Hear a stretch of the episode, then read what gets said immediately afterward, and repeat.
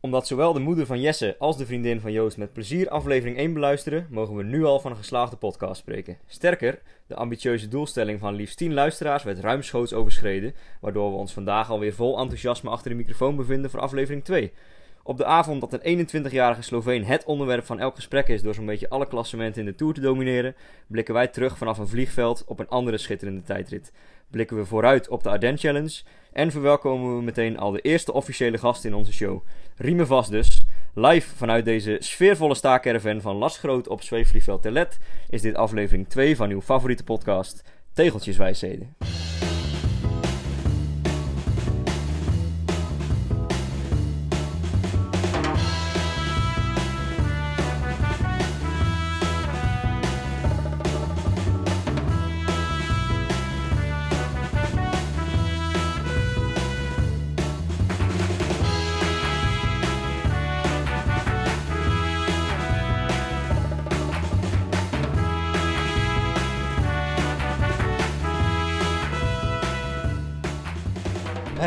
Ik eh, ben langzaam aan het bijkomen, Joost. Eh, we hebben hier net allebei een, een tijdrit gereden rondom vliegveld Telet. Eh, tijdrit De Trappist, georganiseerd door de Snelle Henkies. Een mooie Bourgondische ambachtelijke tijdrit op de racefiets. Prachtig. Ja, de organisator is groot fan van Anke Thiel. Je kent die foto's nog wel. Monsieur Chrono. in, onder in zijn beugels, zonder opzetstuur, zonder andere hulpmiddelen. Iedereen naar huis reed. En ja, na die tijd eh hunkerde Het beviel, terug. beviel mij goed. En het beviel jou beter ook dan verwacht, omdat jij dit, deze week iets hebt meegemaakt. Ja, ik ben woensdag samen met, eh, met Lotte, mijn vriendin, het NK mountainbike parcours wezen verkennen in, eh, in Sittard. En daar heb ik dingen moeten doen die ik eigenlijk niet, niet echt kan. Dus, hoe heet dat? Rock gardens en drops. En met name die laatste drop werd mij, werd mij bijna fataal. Ik ben na een flinke salto goed op mijn rug gevallen. En ik heb nu al eh, een paar dagen last van, eh, van alles. Als ik mijn veten strik, als ik mijn tanden poets. Dus ik was al lang blij dat ik vandaag weer op de fiets kon zitten. En ik was al lang blij dat we niet op een tijdritfiets hoefden te zitten. Want dan had ik helemaal eh, eh, verschrikkelijk last van mijn rug gehad. Ja, ik zag jou lopen op de parkeerplaats eh, voor de start van de tijdrit. Je leek echt een eh, oude opa. Dus ja, chapeau dat je mee hebt gedaan. Het was voor mij al de tiende of elfde keer. Eh, en het klinkt gek, maar die snelle Henkies, ja, dat is gewoon een vriendengroep. Maar toch is die trappist ieder jaar een van mijn grootste doelen. Het is namelijk op het terrein waar ik iedere week train, rondom eh, Hoendelo en Delen. 26,7 kilometer. Ieder jaar wil ik sneller gaan. Maar ja, ieder jaar wordt de concurrentie ook sterker. Dus ik eh, moet mezelf altijd mentaal behoorlijk eh, oppompen om hier goed te zijn. En? Maar, ja, geen PR, want ja, verbod is op tijdrit, attributen en fietsen. Maar hartstikke tevreden, mijn vorm is prima. Ik heb ervan genoten, ook van het buffet achteraf, met uh, Nassi dit keer. Lekker, En, eh, was lekker. en, en eh, bier. Ja, het is gewoon eh, heel relaxed. We hebben de zon net zien ondergaan over de heide. Het was, ja, genieten. Idyllische locatie. Maar ben je tevreden? Ik kijk ook even alvast met een schuin oog naar Lars. Jesse, ben je tevreden? Als ik puur naar mezelf kijk, ja. Maar ik ben niet tevreden dat de anderen zo dicht bij mij zijn geëindigd. Oké, oké. Maar daar komen we zo, zo over te spreken. Nou, ik ben ook erg tevreden. Ik, ik schrok mijn hoedje bij de start, want het, bij de eerste trap schoot het meteen eh, in alle hoeken van mijn rug. Maar gaandeweg, na een kilometer of drie, begon de, de overdosis paracetamol zijn, eh, zijn weg te vinden. En kwam ik er eigenlijk steeds beter in. En eh, on- ontketend eh, toch boven de 40 km per uur geëindigd. Dus ik ben, ik ben tevreden. Netjes. Nou, volgend jaar ben je er gewoon weer bij. Ja. Zullen we even verder gaan naar wat we allemaal te bespreken hebben deze aflevering. We hebben natuurlijk maar beperkte tijd. Laten we allereerst alle trouwe luisteraars die onze eerste podcast hebben aangeklikt Nou. heel erg bedanken. Allemaal. Het waren er veel meer dan verwacht. Eh, waarvoor allemaal dank. We hebben ook heel veel feedback gekregen. Waarvoor ook heel veel dank. Wat er allemaal beter kan. Eh, dat was nogal wat. Maar De- toch, eh, Er, er waren ook vrouwelijke luisteraars, heb ik gehoord. ja, eh 33% uit mijn hoofd. Kijk, Dus, nou ja, hey, er waren 60 luisteraars, 33%. Ik weet niet hoeveel dat is. Maar de kans dat daar een leuke meid tussen zit. heeft het al een date opgeleverd? Nee. Hè. Dus dat is voor ons een motivatie om hier vooral mee door te gaan. We blijven doorgaan. Dat is het hogere doel van deze podcast. Tot dus ik, ik, stop hier niet mee eh, voordat, het, eh, voordat het gelukt is. Nee, die, ja, we zagen wel een leuke meid eh, net op het terras zitten. Ja, ik mag geen namen noemen, maar onder die snelle Henkies, die mannen van 60, schijnen er ook mannen te zijn die dochters hebben. Dus mannen van de snelle Henkies, neem die vooral mee komende tijd. Ja. Je doet er Jesse een plezier mee. Dat is helemaal waar. Ehm, maar voordat we ja, te lang blijven hangen in eh, dit vrouwen gedoe. Eh, heb jij volgens mij nog wat Ja, rectificaties? we, we hebben een eh, tweetal, tweetal rectificaties. Ik zal het kort houden. Onze vrienden van de Rode Lantaarn, nota bene, die wezen ons, zonder dat te weten, op een eerste fout. Wij hadden het namelijk over de, de finish in de Tour vorig weekend op de Grand Colombière. Maar dat moet zijn de Grand Colombier. Want de Colombière is een klim in de Alpen. En die reden ze volgens mij later in de week nog ook wel. Ehm, maar de klim waar wij het over hadden was de Colombier. En die ligt in de, in de Jura. Dat hadden we wel goed. Ja. Ehm, en de tweede rectificatie gaat over de tegels, waar ik het over had. Ik noemde daar heel trots dat ik 42 bij 42 had. Dat moet zijn 40 bij 40 helaas. En eh, daarmee sta ik op de 121ste plaats ter wereld van de eh, wereldranglijst aan eh, maximale vierkant grootte. Mhm. En ik noemde dat de nummer 1 eh, uit, uit Leuven kwam met 100 bij 100. Maar die is inmiddels ingehaald door twee personen met 101 bij 101. En ja, ere wie ere toekomst, dat zijn Jurgen Knoepen uit de omgeving van München. En Jonathan Frans, en die komt dan weer uit Londen, gek genoeg. Ehm, dus ik, ik heb wel gezien, als ik naar 42 bij 42 ga, wat, wat goed mogelijk is binnenkort, dan enter ik de, de top 100 binnen. Dus eh, de, daar verheug ik me nu al op. Ja, luisteraars, jullie horen hoe fanatiek Joost is. Maar Joost, volgens mij heb jij tegenover mij nog een rectificatie te maken. Of in ieder geval moet je je fout toegeven. Ja, Of je ongelijk. Want in de vorige aflevering hebben wij voorspeld wie de Tour gaat winnen. En ook de etappe destijds over die Colombier. En ik had het over Pogacar als eh, winnaar en als eindwinnaar. En jij over Roglic. Nou ja, ik, ik dacht nog van, hè, hij, bedoel, hij zal bedoeld hebben de etappe. en dan dat- heeft, dat krijgt hij gelijk met Pogacar. echt, en dat is onzin. kan ik hier nu vanavond zeggen dat ik met Roglic de eindwinnaar goed had. Maar zelfs dat wordt me ontnomen door deze wanprestatie van die, eh, van die Primos eh, vandaag Ja. in, de, in, de, in de Tour. Bizar. Twee, want- twee minuten verliezen op Pogacar. Ik kan er nog steeds niet over uit. Ja, maar maar goed, wij- ik, ik, moet je helaas, ik moet je helaas gelijk geven. Ja, wij rijden onze eigen tijdrit vandaag, dus we hebben weinig meegekregen van de Tour. Maar achteraf hebben we eh, ja, het een en ander toch nog opgevangen. Over Ja. dat Roglic totaal door het ijs is gezakt. En Pogacar, waarvan ik het al had voorspeld, gewoon glansrijk eh, die gele trui heeft gepakt. Ehm, ja, genoeg hierover. Nee, ja, dat, dat vind ik niet hoor. Volgens mij kunnen we het hier nog veel langer over hebben. Want in de vorige podcast van de eh Parijs is nog ver, de Doetinchemse wielerpodcast, met Jelle Nijdam en mij erbij, zei ik ook al dat Pogacar ging winnen. Ja, ik werd toen ook een beetje uitgelachen eh, door andere luisteraars. Maar ja, hè, ik, ik heb toch aan het lange eind gedronken. Nou, ik geef hierbij, eh, de luisteraars zien het niet, maar ik geef Jesse een, eh, een schouderklopje. Goed gedaan, jongen. Goed. Waarvan akte?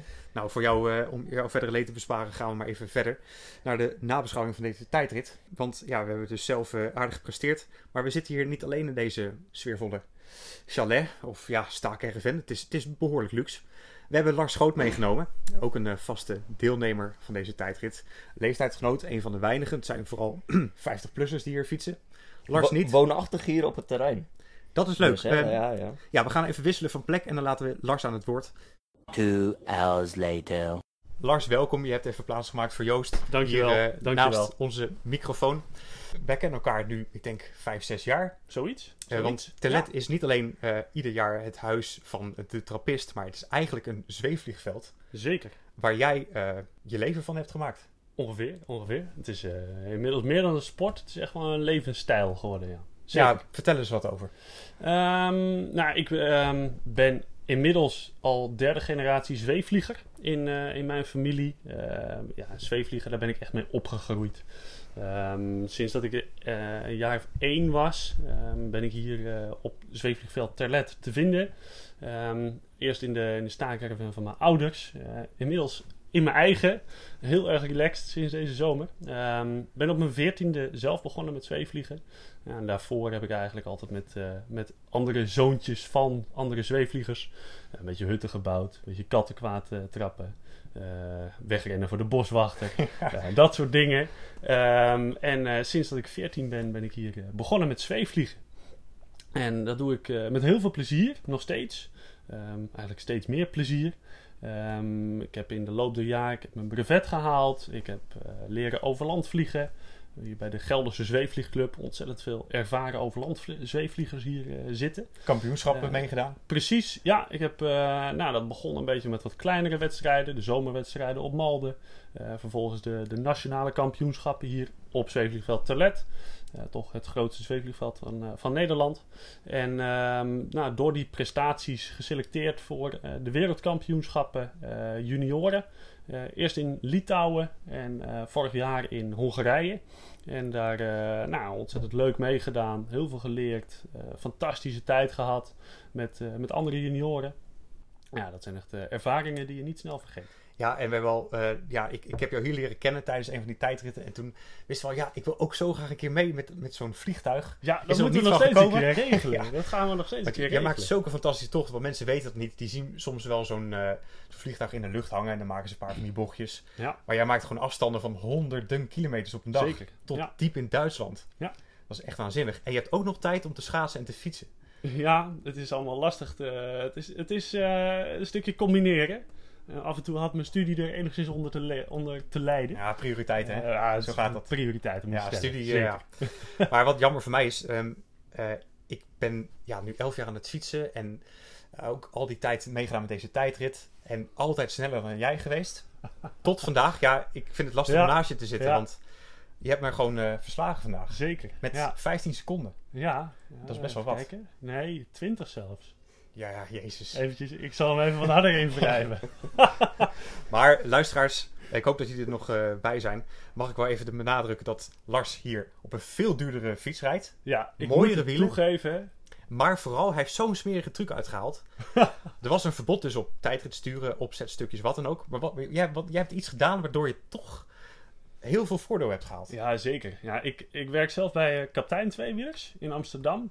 En ik kreeg van eh, mijn mechanieker, Niel, kreeg ik de tip van... Oh, anders moet je eh, kussentjes op je platte stuur plaatsen. En dan kun je toch in die tijdrithouding blijven zitten. Ja, want je legt je armen daarop. Precies. Dus je hebt heel weinig wind dat je vangt tijdens het fietsen. Ja, je zit in een aerodynamischere houding. Ehm, eh, je hebt geen tijdritstuur, dus je voldoet aan alle reglementen. Ja, Maar je kunt toch comfortabel op je stuur blijven zitten. voorkomen Eh, kan zo dat dat is toegestaan.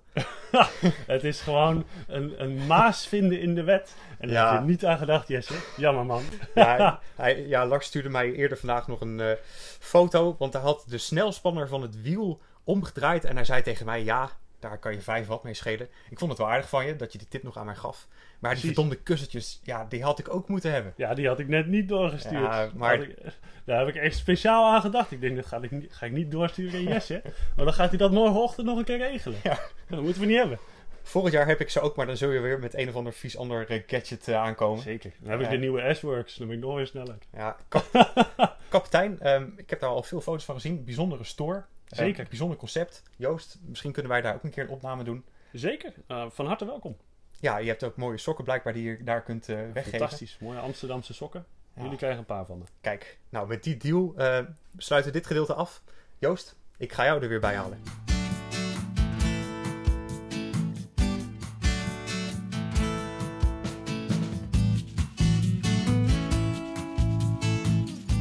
Ja, we blijven nog even binnen de sferen van Telet, eh, Joost. Want we zijn inmiddels weer bij onze wekelijkse, of ja, eh, terugkerende rubriek gekomen. Tegeltje. Ja, de, de, de, aflevering hangt vol van de thematiek hier rond, eh, rond de LED. Dus ik denk dat het tijd is om de rubriek in te starten.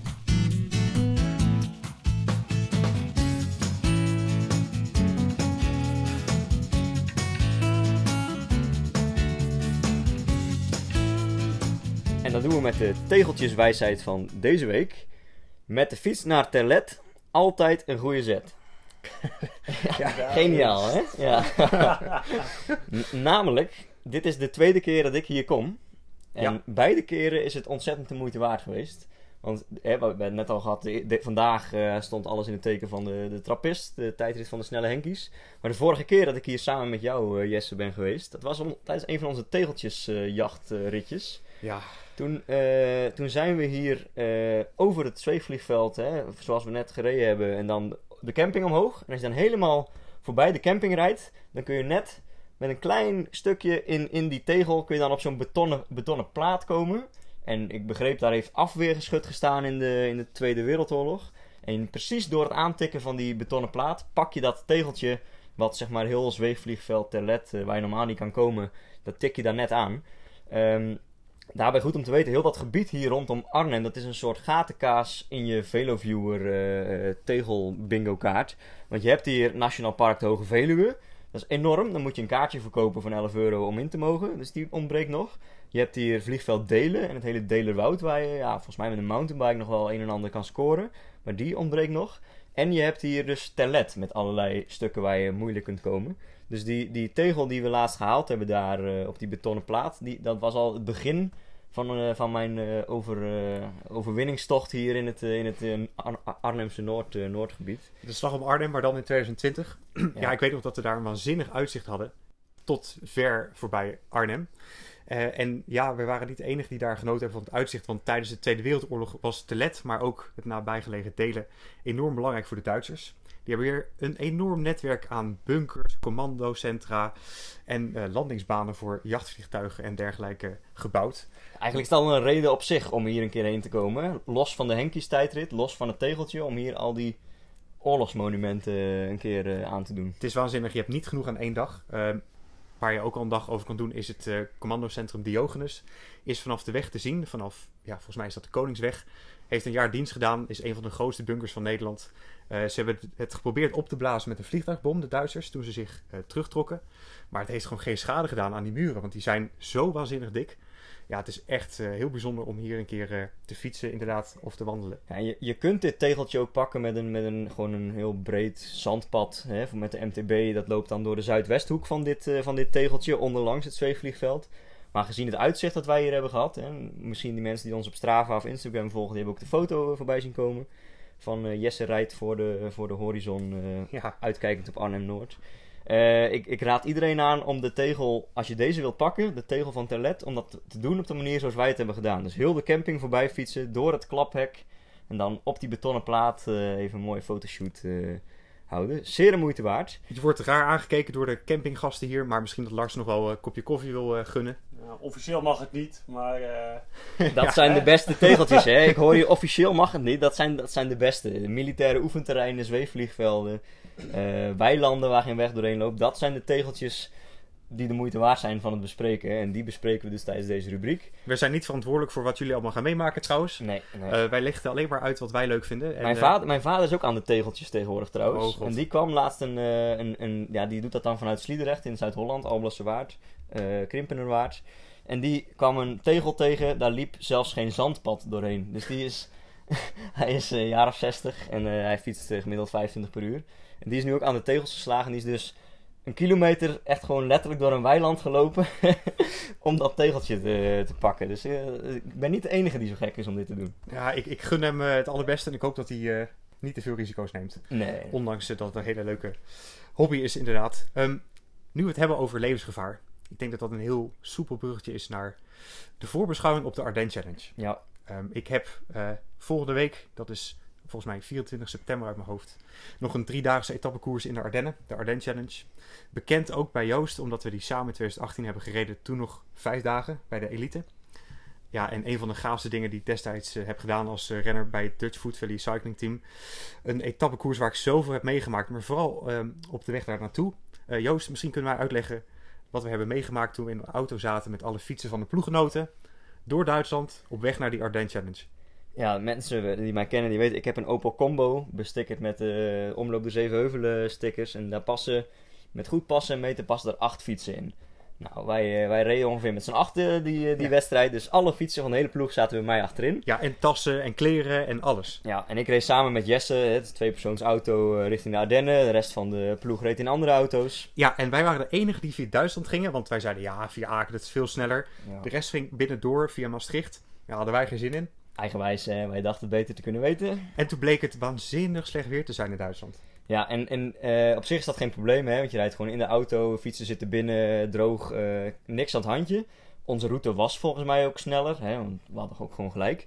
Maar eh, mijn ruitenwissers stonden op het punt van begeven. En op het moment dat de noodweer losbarstte en ik mijn ruitenwissers in de hoogste versnelling plaatste, be- besloot een van mijn ruitenwissers, namelijk de linker, voorbij de linkerkant van de auto te gaan. En die werd eraf gereden door een vrachtwagen of zo. Even later waren wij onze ruitenwisser kwijt. Ja. En ehm, nou ja, wij hadden haast, want we moesten naar de Ardennen. Alle fietsen zaten achterin.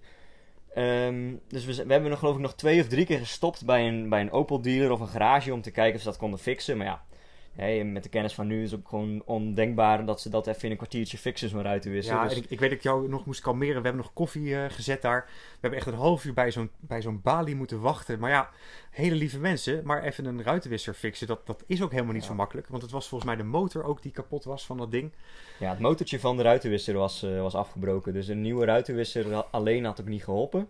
Eh, maar goed, wij bleven daar redelijk rustig onder. Hè. Dat losten we professioneel op. Ondanks dat we heel veel boze appjes kregen van de eh, ploegmanager. Van Eh, ja, waar ben je? Want we hebben die fietsen nodig. En eh, René, René, eh, René Bastiaans, de, de, de ploegleider van het Food Valley Team, die, die begon ons te bellen. Van ja, waar Oh. blijven jullie nou? En eh, zij waren inmiddels al lang gearriveerd.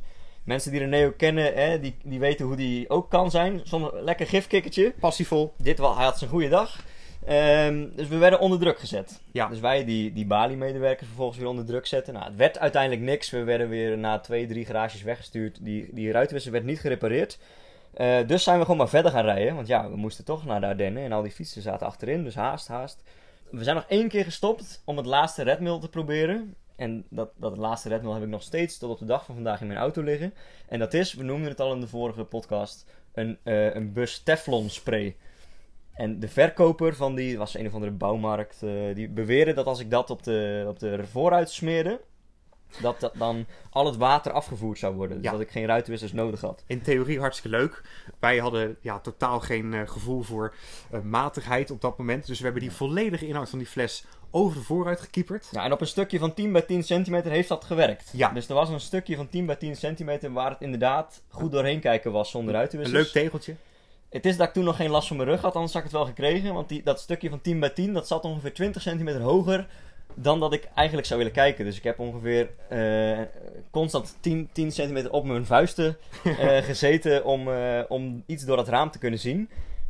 Terwijl het noodweer bleef, helemaal tot aan de Ardennen. Ja. En op zich al levensgevaarlijk, maar toen was er ook nog onder een viaduct een, een vrachtwagen waar een enorm stuk piepschuim vanaf viel. En Ja. de auto voor ons, die trapte echt vol op de rem om dat En wij, stuk wij, piepschuim te wij schreeuwden het uit, want we kwamen, ik denk, op 1 centimeter Ja. van die achterbumper. Ik- En ik heb echt die rit, ja, ik heb ook eh, filmpjes gemaakt. Ik heb oprecht het gevoel gehad dat dat de laatste filmpjes waren van mijn leven. Want het was echt niet verantwoord. Ik ben nog nooit zo geschrokken op de Rijksweg dat ik echt bijna gewoon dacht van, oh, dit is inderdaad gewoon een aanrijding die je niet overleeft. Ja. Maar goed, die, die, die auto die trok net op tijd weer op, want die besefte kennelijk ook dat het piepschuim was en dat hij daar doorheen kon. En wij, ja, echt met piepende remmen konden net die bumper van die auto ontwijken en zijn doorgereden. Uiteindelijk, Ah. eind goed, al goed. De route naar Aken was toch eh, redelijk kort, dus we kwamen nog net op tijd in de Ardennen aan. Ik weet niet meer welk dorp het was, ergens diep in de Luxemburgse Ardennen. Eh, alle andere renners van onze ploeg stonden al met de rugnummers op eh, aangekleed. Ze hadden zelfs reserveshirts uit de ploegbus met onze rugnummers erop gedaan. Jammer dat ze allemaal twee maten te groot waren. Dus wij hebben daar beide met een shirt van twee maten te groot snel aangetrokken. eh, fietsen uit de auto, nummerplaatjes erop en, en starten. En volgens mij was het niet eens mijn slechtste rit. Want vol adrenaline eh rij je dan zo'n wedstrijd. En eh, ja, uitgereden, het hele, hele, alle vijfde dagen uitgereden. Maar het was een mooi begin van, de, van deze Ardennes Challenge. Ja, bizar. Ja, ik heb die etappe niet uitgereden, maar ik heb toen maar één etappe uitgereden. Later hoorde ik dat dat de makkelijkste etappe was, maar ik was er super trots op. 130 kilometer, Ja, een, van die etappes, eh, een best wel pittige etappe, was laatst in de ronde van Wallonië. Erezee. En dat was echt eh, on- onder ons peloton wel een beruchte etappe. Een aankomstberg op noemden wij dat. Echt zo'n zo'n punchrit. En wie wint er bij de profs? Themar. Arno Demar. Echt Ja. gewoon een massasprint. Dat, Ja, die klopte krui. Of, dat eh, was echt zo demotiverend. Ja. Nou ja, ik ga de volgende week heen, eh, drie dagen en dan op een iets lager niveau bij de amateurs.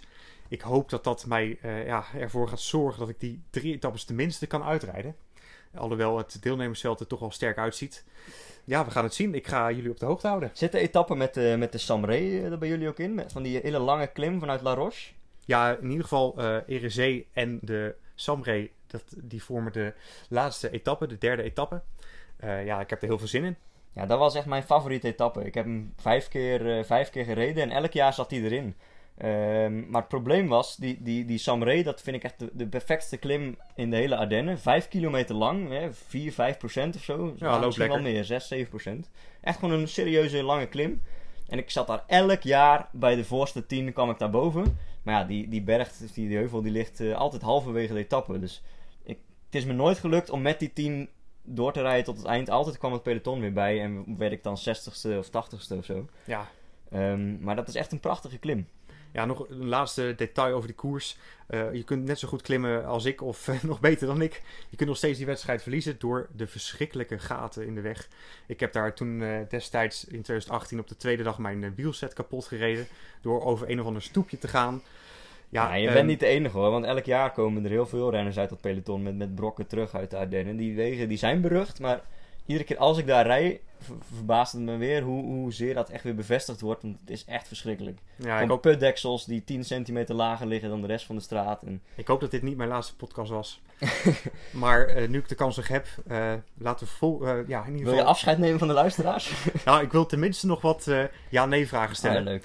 Eh, dan hebben we Nee, hier nee, gehad. dan ga je bijna weer in dezelfde Oh ja, fout. geen, nee, eh, eh, optie A of B. Ja, ja. Dat is inderdaad zo. Dus, zodat jullie ons nog beter kunnen leren kennen. Maar ik wil het ook van jou weten, hè? Want het gaat er ook om dat de mensen, met name de vrouwelijke luisteraars, jou beter leren kennen. Dus jij moet ook antwoord geven. Ik stel ze, maar ik geef ook antwoord. Fijn. Tijdrijden of sprinten? Laatste jaren meer tijdrijden. Tijdrijden geldt ook voor mij. Appel of banaan? Banaan. Appel. Oké. Ja, is dat een hele gekke keuze dan? Ja, nee, maar dit zijn niks zeggende vragen. Wa- waarom appel? Waarom appel? Ja, het is... Ja, Vanwege zijn schilderkunst of... eh, nou, ik ben, vind ik zo- zo'n vreemde structuur hebben. prima. Sauna of zwembad? Zwembad. 100% sauna. Ondanks mijn eh, niet-affiniteit met, eh, met de- het eerste onderdeel van de triathlon, namelijk het zwemmen, heb ik toch meer met een zwembad dan een sauna. Waarvan waar een sauna? Nou, je kunt daar gewoon de hele dag lekker zweten, lekker hoppen van sauna naar sauna. Ik had niet voor niets vandaag eh, de eh, slippers van sauna Berendonk aan. Dat is zo'n heerlijke plek. Ja, je was niet de enige, zag ik. Al die snelle Henkies hadden slippers aan. Is dat een eh, traditie? Ja, dat stamt nog uit de tijd van sauna Diana, denk ik. Maar, Maar als, je, als je gewoon heel de dag wil zweten, dan ga je toch gewoon een bergrit in de, in de Dolomieten doen of zo? sauna is juist mooi, omdat je daar geen pijn hebt. Nou. We gaan Da- lekker dames tussen de 20 en de 30 eh, jaar eh, die zitten te luisteren en die graag een dagje met Jesse naar de sauna gaan, Ja. meld je. Eh, zo is dat. En dan kunnen ze ook nog kiezen tussen de volgende optie: Spanje of Italië. Spanje. Italië. Want?